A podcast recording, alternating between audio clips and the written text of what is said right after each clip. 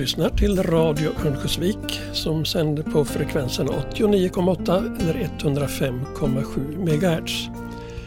Eller via internet på adressen www.radioovik.se där du kan lyssna live eller lyssna på arkivprogram via vår poddradio.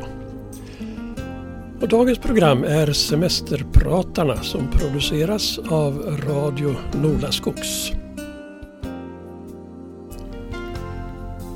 Och dagens semesterpratare heter Malin Andersson och vi säger välkommen till dig Malin.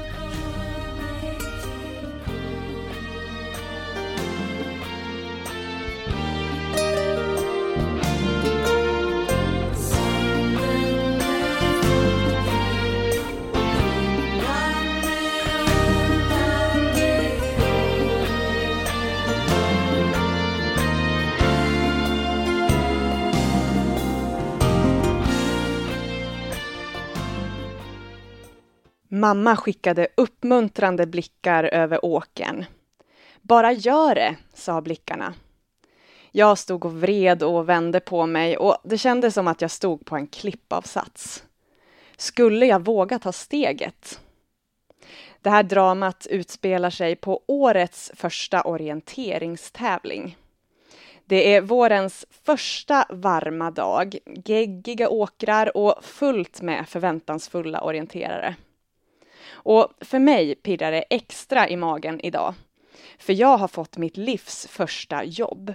Ska göra min livs första intervju som journalist. Och så nervös som jag var då, så nervös hade jag aldrig varit under mina tolv år. Ja, för tolv år var jag då. En liten spinkig tolvårig orienteringstjej som skulle gå fram till den där enorma 14-åriga orienteringskillen och fråga Vilken kompass använder du? Jag såg mamma i ögonen och så gjorde jag det. Jag hoppade. Och det skulle senare visa sig att det där påverkar mig än idag. Jag heter Malin Andersson och nu är jag 25 år. Jag är fortfarande orienterare och jag blev till slut också journalist. På riktigt, eller vad man nu ska säga. Där för 13 år sedan gjorde jag mitt första jobb för Orienteringsförbundets tidning Skogssport som ungdomsreporter. Och idag jobbar jag med nyheter för barn på SVTs nyhetsprogram Lilla Aktuellt. Det här programmet ska handla om resan från den där geggiga åkern, om journalistik för barn och varför jag tycker att det är så himla viktigt. Och dessutom ska det handla om tre möten som etsat sig fast i mitt minne, som jag bär med mig och som liksom har format mig. Välkomna hit!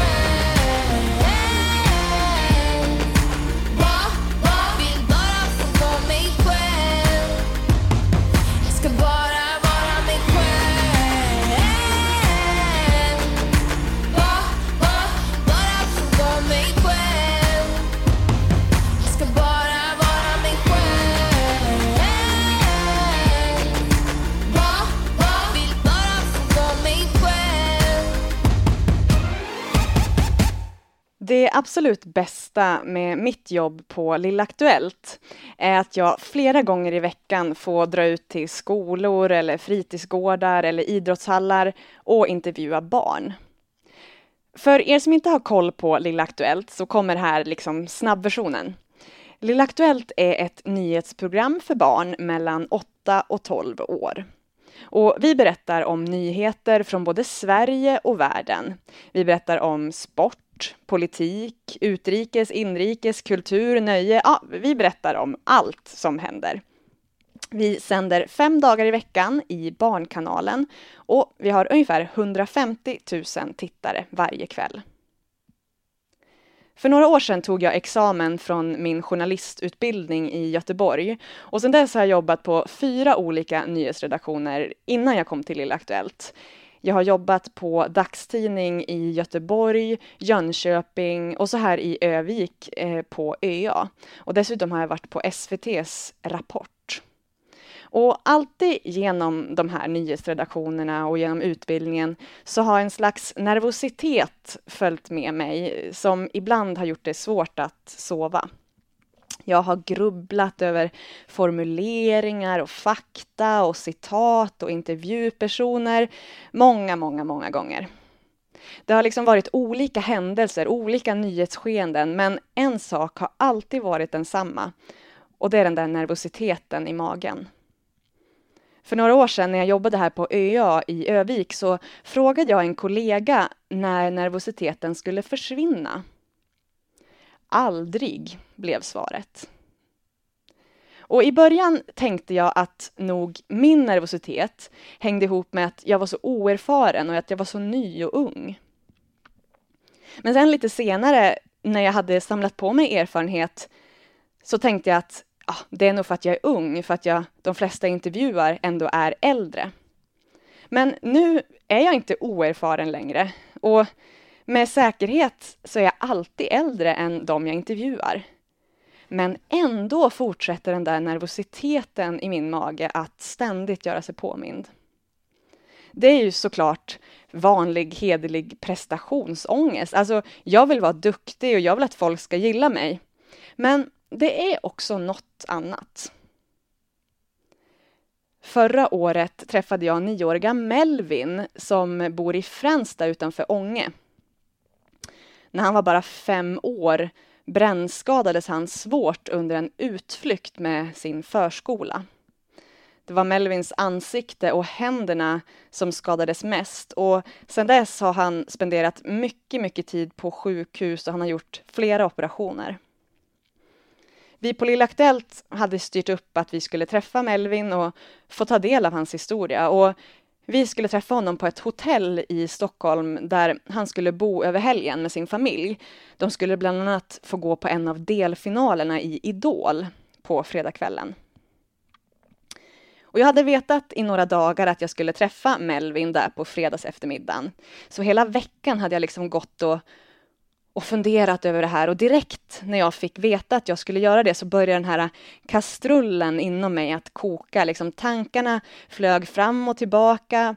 Jag började formulera frågor, fundera på hur intervjun skulle gå, hur Melvin skulle reagera på mina frågor och hur mycket han skulle vilja berätta och sådär.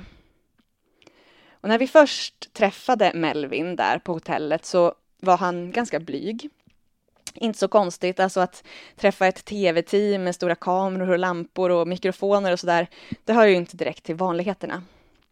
Men vi ställde upp stolarna som vi skulle sitta och intervjua och mitt emot mig satt en nioåring som hade gått igenom en traumatisk händelse. Och jag var fruktansvärt nervös. Och jag tänkte att ni skulle få höra en liten snutt från den här intervjun eh, när Melvin delar med sig av vad som har hänt honom. Jag var med skolan på en utflykt och vi skulle grilla med ett spritkök av något slag. Så hällde de på för mycket tändvätska och då satt jag såklart för nära. Så då fick jag det i ansiktet. Jag kommer bara ihåg att jag kastade mig på marken att, de, att jag fick åka ambulans. Jag var ju så stressad så jag kunde inte tänka och så såg jag ingenting. Så mina ögon var helt hensvunna så jag såg, jag såg nästan ingenting. Hur har det varit sen då, sen den här olyckan hände? Ja, det, jag har ju varit ledsen några gånger, alltså de första åren men nu har jag liksom accepterat att jag har bränt mig. Jag vet att det inte går att ändra på det nu. Att höra en nioåring formulera sig på det här sättet, det hör verkligen till ovanligheterna. Melvin kunde liksom blixtskarpt redogöra för händelseförloppet där för fyra år sedan. Och han kunde sätta fingret på sina känslor på ett oerhört pricksäkert sätt. Efter vi hade gjort själva intervjun så hängde vi med Melvin och hans familj till Idolinspelningen och det var fullt med känslor, mest glada känslor för Melvin.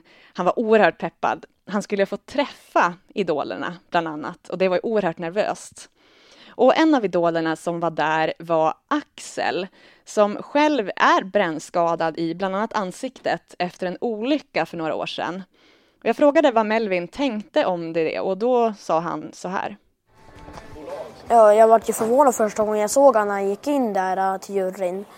Men eh, jag tänker liksom att han som är brännskadad, han har ju kommit så långt på Idol fast han är brännskadad. Jag märker att, ja, när man är brännskadad så blir man inte dåligare på någonting direkt. Man är fortfarande liksom samma person inombords. Ja, man är fortfarande samma person inombords, avslutade Melvin med där och det var det som avslutade hela vårt reportage, därav den här lilla musiksnutten i slutet. Och när jag satt där mittemot Melvin med den här nervositeten bubblande i min mage så kom jag att tänka på ett helt annat tillfälle i Göteborg nästan tre år tidigare. Det var en 89-årig kvinna som hade blivit brutalt överfallen och rånad. Och jag som reporter på Göteborgs-Posten fick i uppgift att försöka hitta den här kvinnan och fråga om hon ville berätta sin historia och vad som hade hänt. När jag till slut hittade henne så ville hon väldigt gärna göra det. Så jag satte mig på spårvagnen på väg ut till hennes lägenhet och magen bubblade. Jag var så nervös.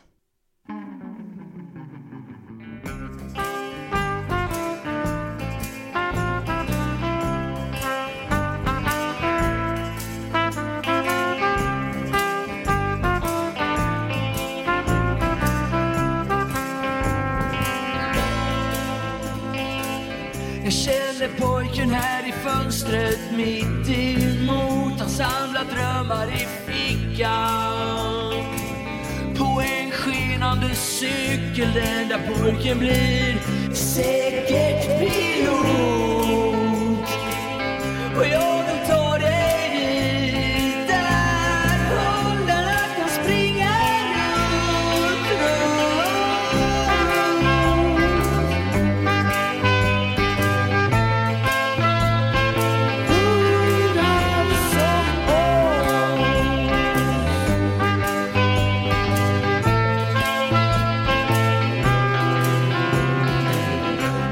Jag sten mot solen för jag hatar den. Jag sätter knivar i fotografi Jag går på samma gator tills de vänder en stunden är resten av mitt liv Och jag behöver en smäll på käften för att komma i rätt balans. Jag kan se mitt namn i tidens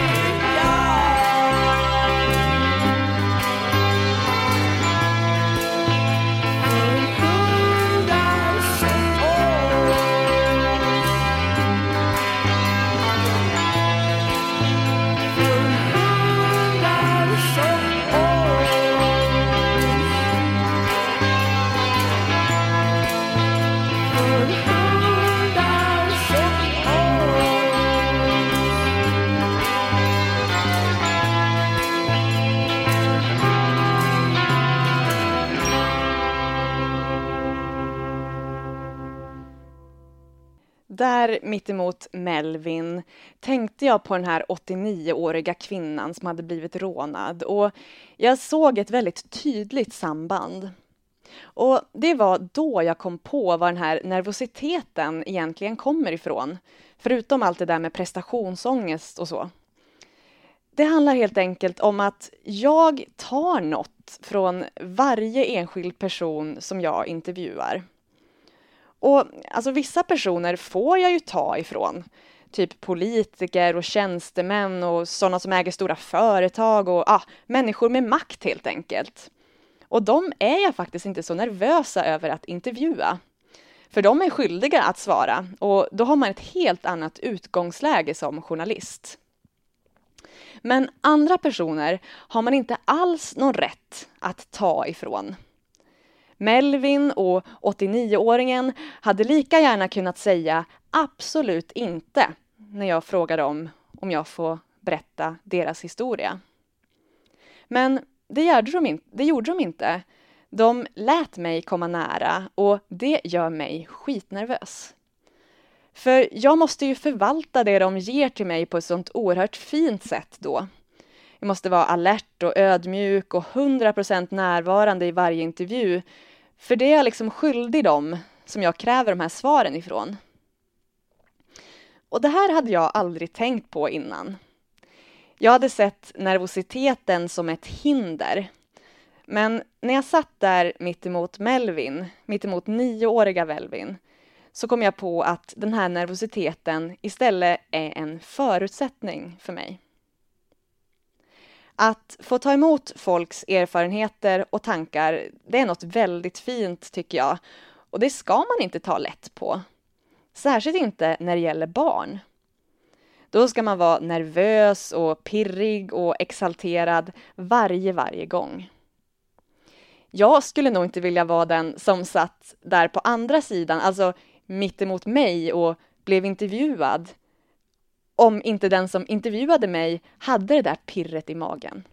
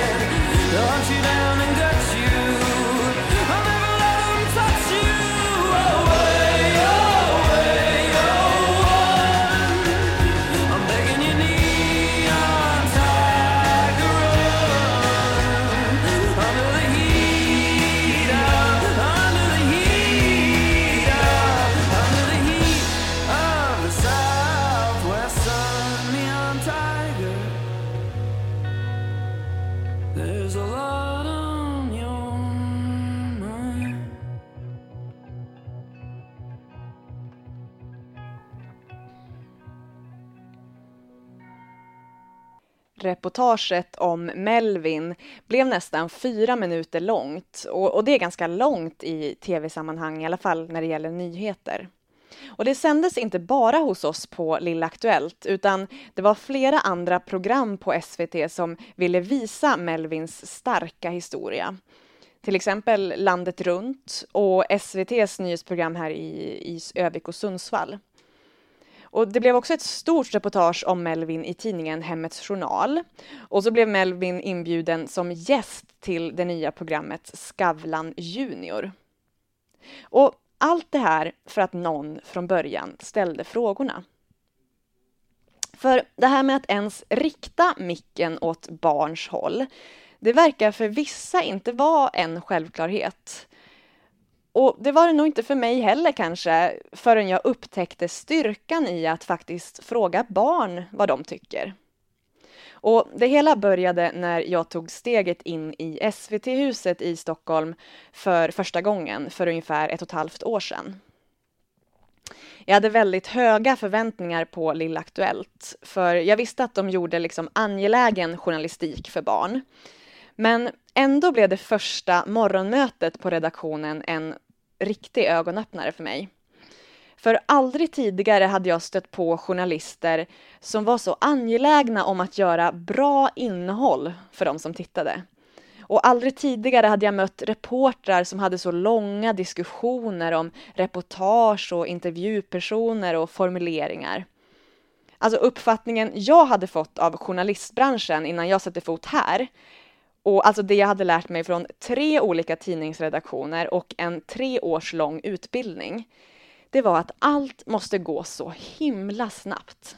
Så snabbt att man ibland inte ens hinner tänka. Men här på Lilla Aktuellt måste man tänka. Och här hinner man tänka.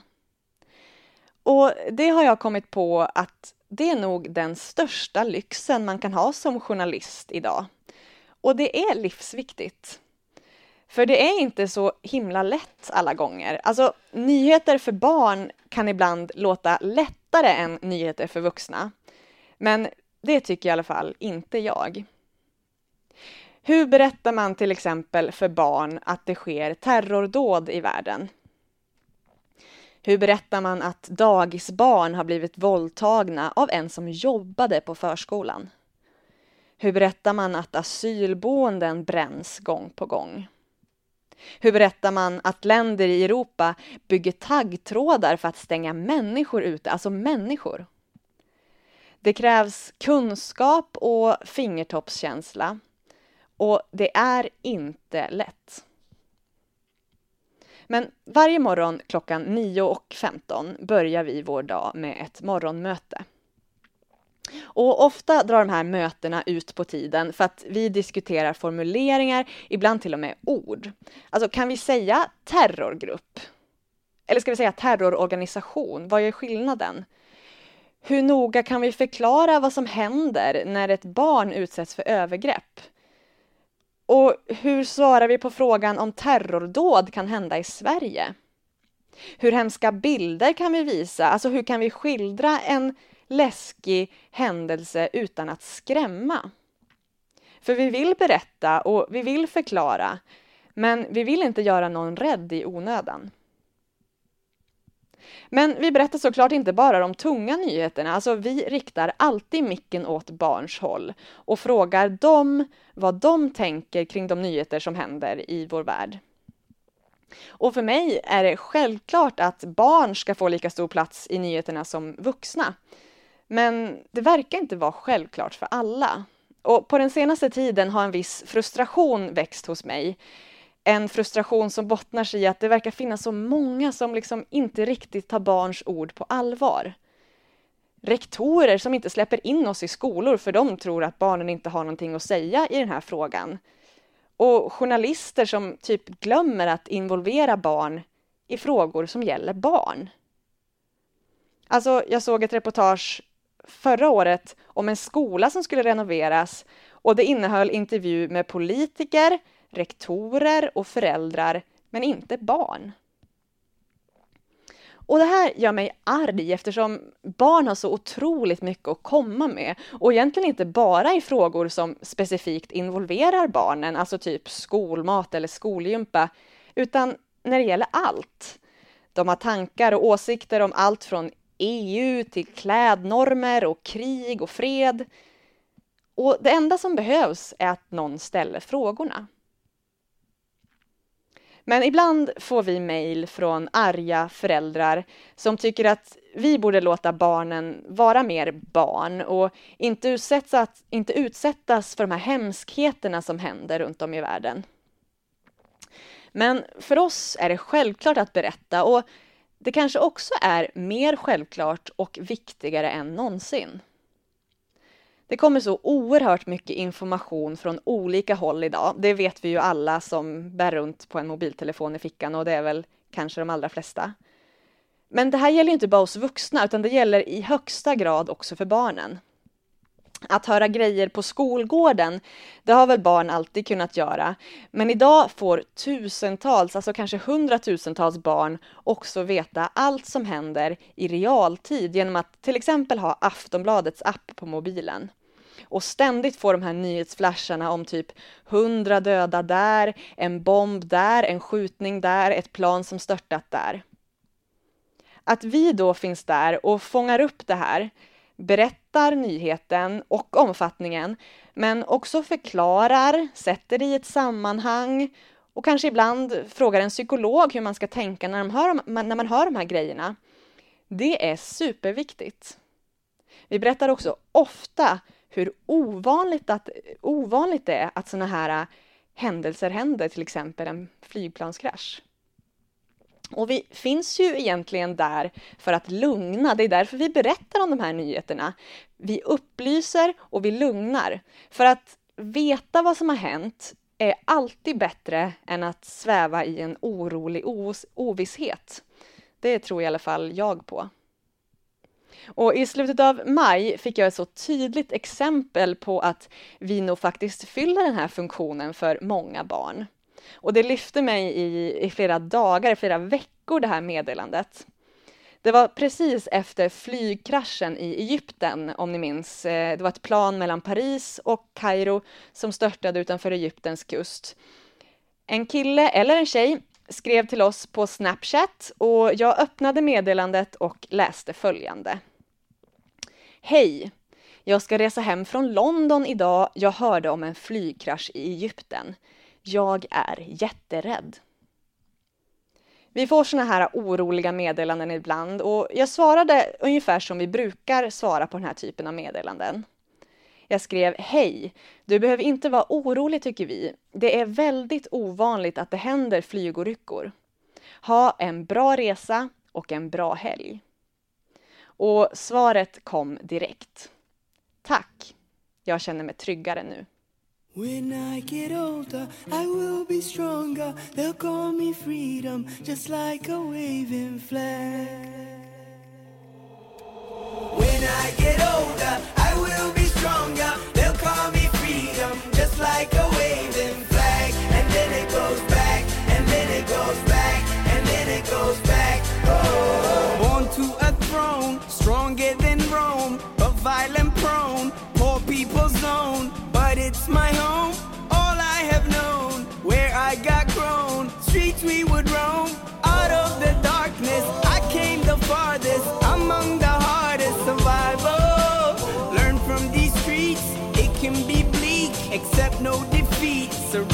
retreat. So we struggling, fighting to eat, and we wondering when we'll be free. So we patiently wait for that fateful day. It's not far away, but for now we say, when I get older,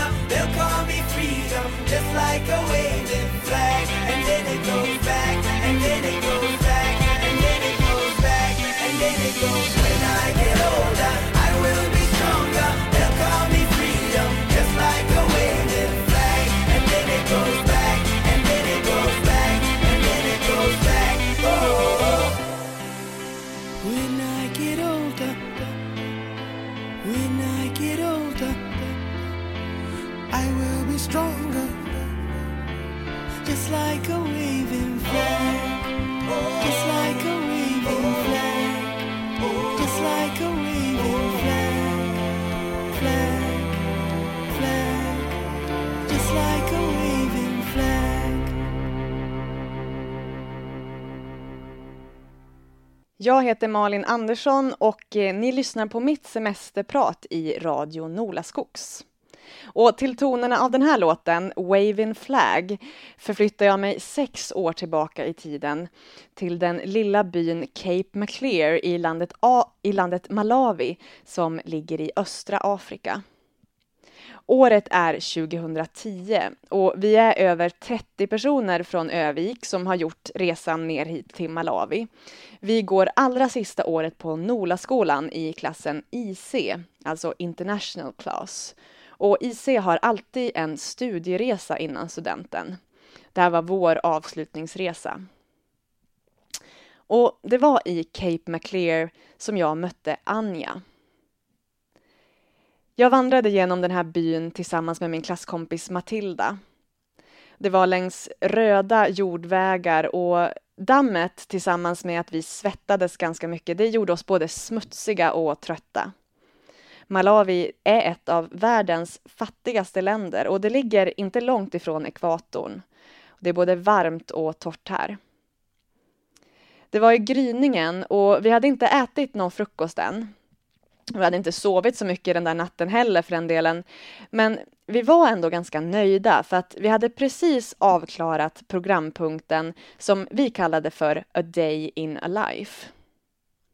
Vi hade anlänt hos en av familjerna i den här byn kvällen innan och tanken var att vi skulle få pröva hur deras liv var en kväll och en natt. Och Anja, hon var i vår ålder. Hon gick i skolan här i byn och det var hon som var vår värd i den här familjen.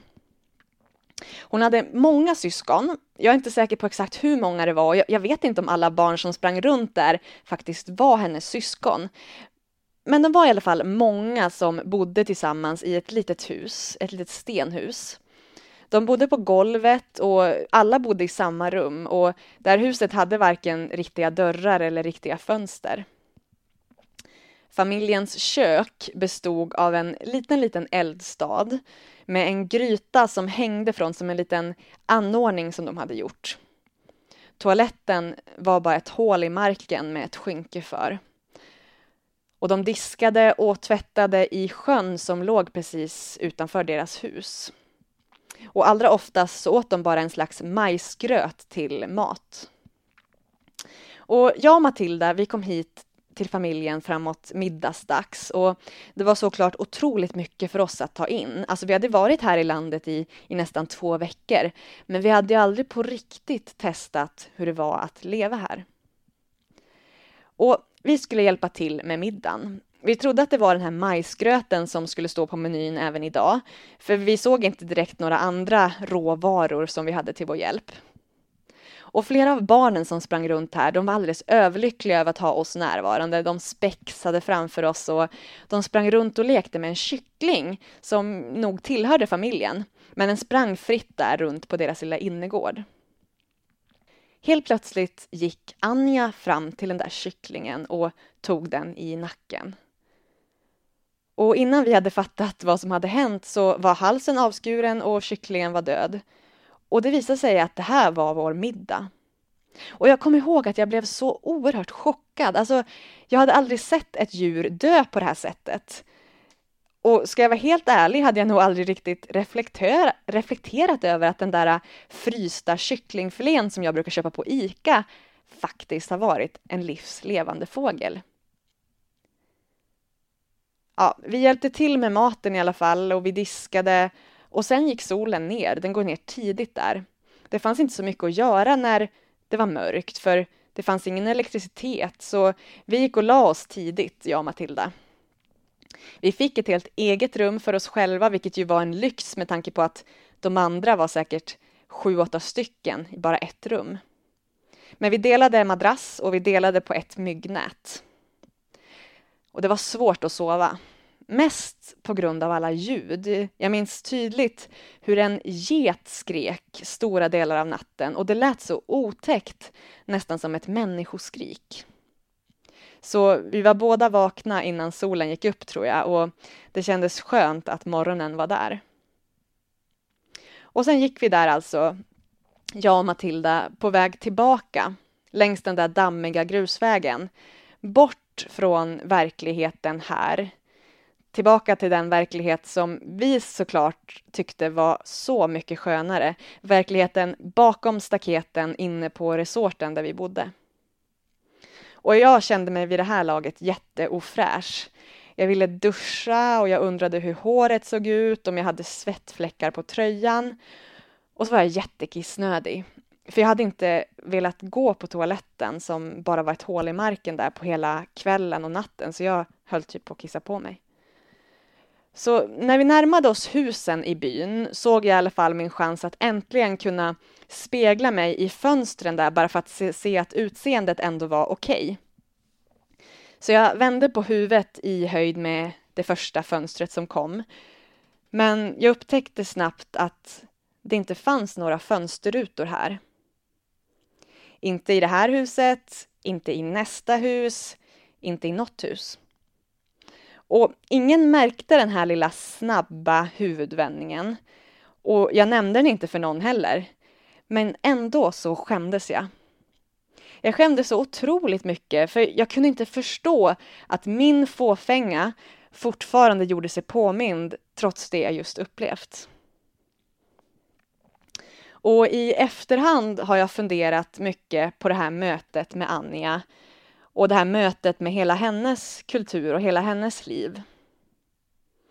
Livet är ju liksom orättvist, det tänker man ju ändå. Att vi har så mycket och att de har så lite.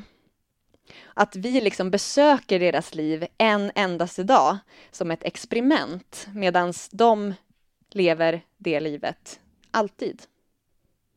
Men alltså, samtidigt verkade inte människorna här olyckliga. Jag minns tydligt ett av våra skolbesök. Vi skulle hålla en presentation om Sverige och om Örnsköldsvik. Och en av sakerna vi berättade om var att solen bara var uppe ungefär fyra timmar under dagen, alltså under den mörkaste vintern här i Övik. Och det här var något som de inte kunde förstå. Läraren, han gapskrattade när han hörde det här och så frågade han sina elever. Var hade ni hellre bott? Här, där vi har sol 12 timmar om dygnet, eller där, där solen bara är uppe i fyra timmar? Här skrek alla barn och skrattade högt över alternativen. För dem var det en löjlig fråga. Men för oss var det också en löjlig fråga. Men bara på två helt olika sätt. Och nu när jag går förbi skyltfönster här i Sverige vänder jag nästan alltid på huvudet för att spegla mig. Det är väl någon slags ful ovana jag har, men jag vet att jag inte är den enda som gör det. Men när jag gör det så tänker jag ofta tillbaka på den där gången då jag och Matilda gick längs Cape McClears dammiga gator. Och jag undrar framför allt hur Anja har det nu. Och jag undrar om hon bor kvar i det där stenhuset där vi spenderade en natt, eh, men där hon hade spenderat hela sitt liv. Jag undrar om hon fortfarande diskar varje kväll i Malawisjön och jag undrar om hon fick chans att flytta till en större stad och plugga eller om hon bor kvar där. Om hon liksom fick chans att välja vad hon vill göra med sitt liv, precis som jag fick. Eller om hon mer har tvingats in i ett val som hon inte hade kontroll över. Jag minns att Anja hade en mobiltelefon för att vi smsade, eller hon smsade oss några gånger efter vår resa och jag minns att jag svarade men sen fick jag aldrig något svar tillbaka och det rann liksom ut i sanden lite. Men för några veckor sedan mejlade jag henne på den mejladress som hon hade gett mig. Jag undrade hur hon hade det nu och hur hennes liv hade blivit och var hon bodde och sådär. Men än har jag inte fått något svar. Men jag väntar och jag hoppas.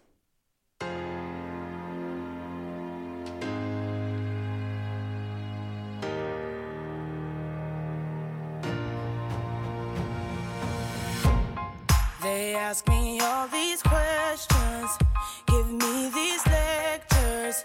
It's getting old. So many suggestions on my direction, where I should go.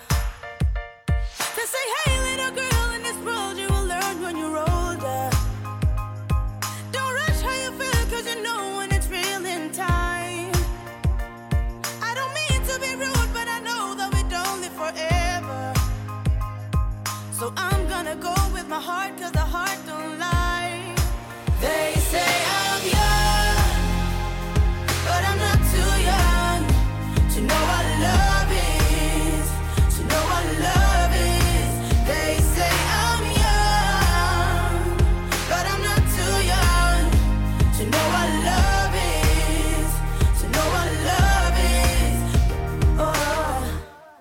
They tell me I don't listen.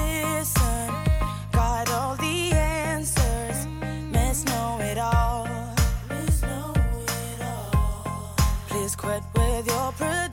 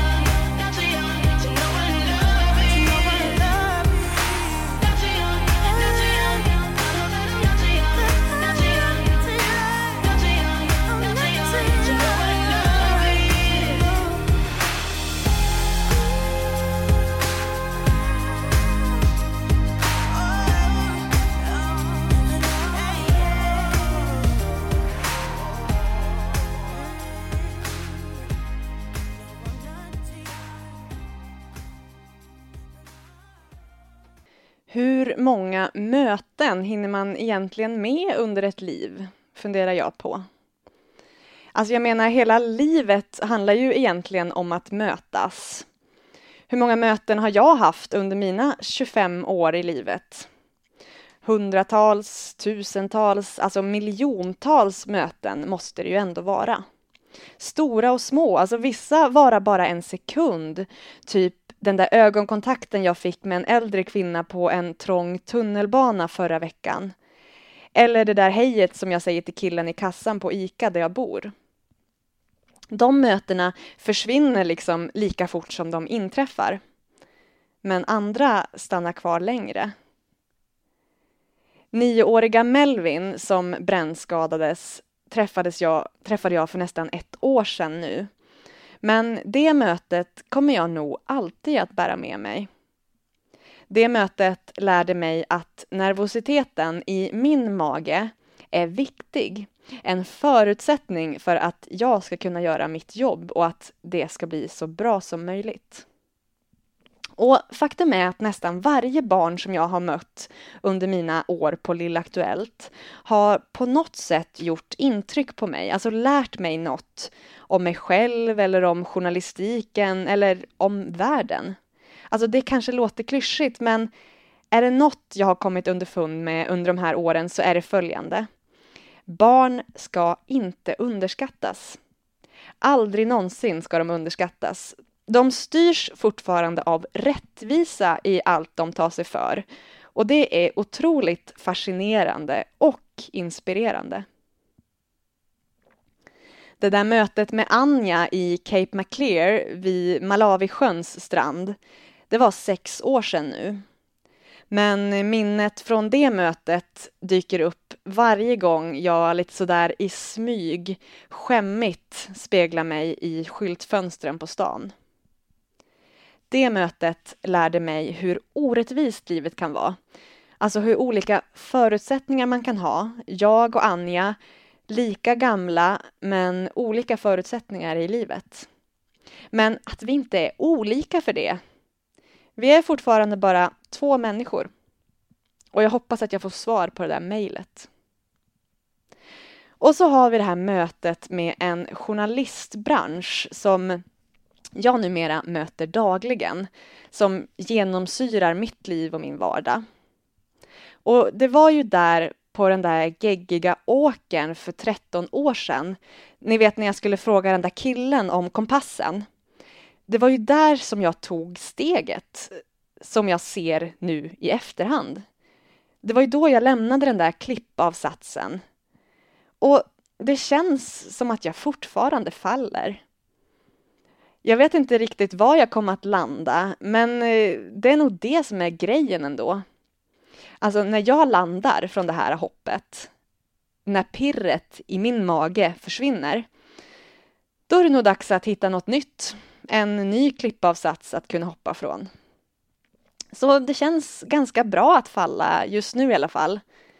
Alltså jag faller ju inte handlöst. Jag, jag faller inte med vevande armar och ett panikartat skrik. Nej, alltså jag faller kontrollerat. Jag faller med armarna in mot kroppen som spiken. Jag faller med tårna vinklade neråt och med blicken rakt fram.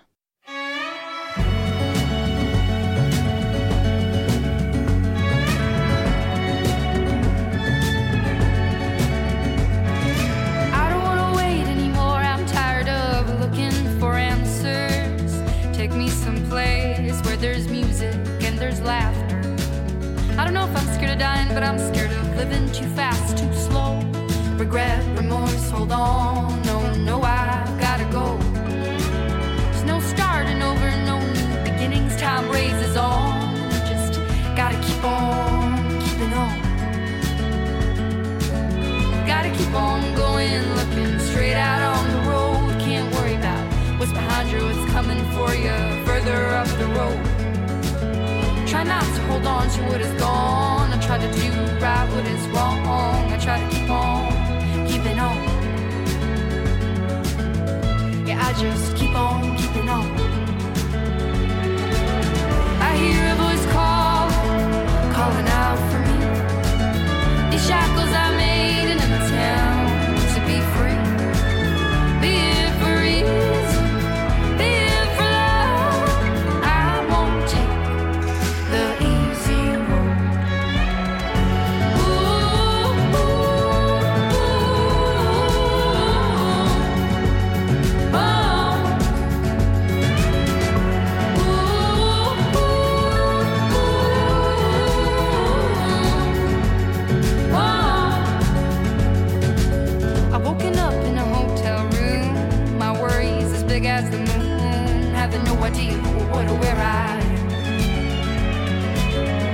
good comes with the bad. A song's never just sad.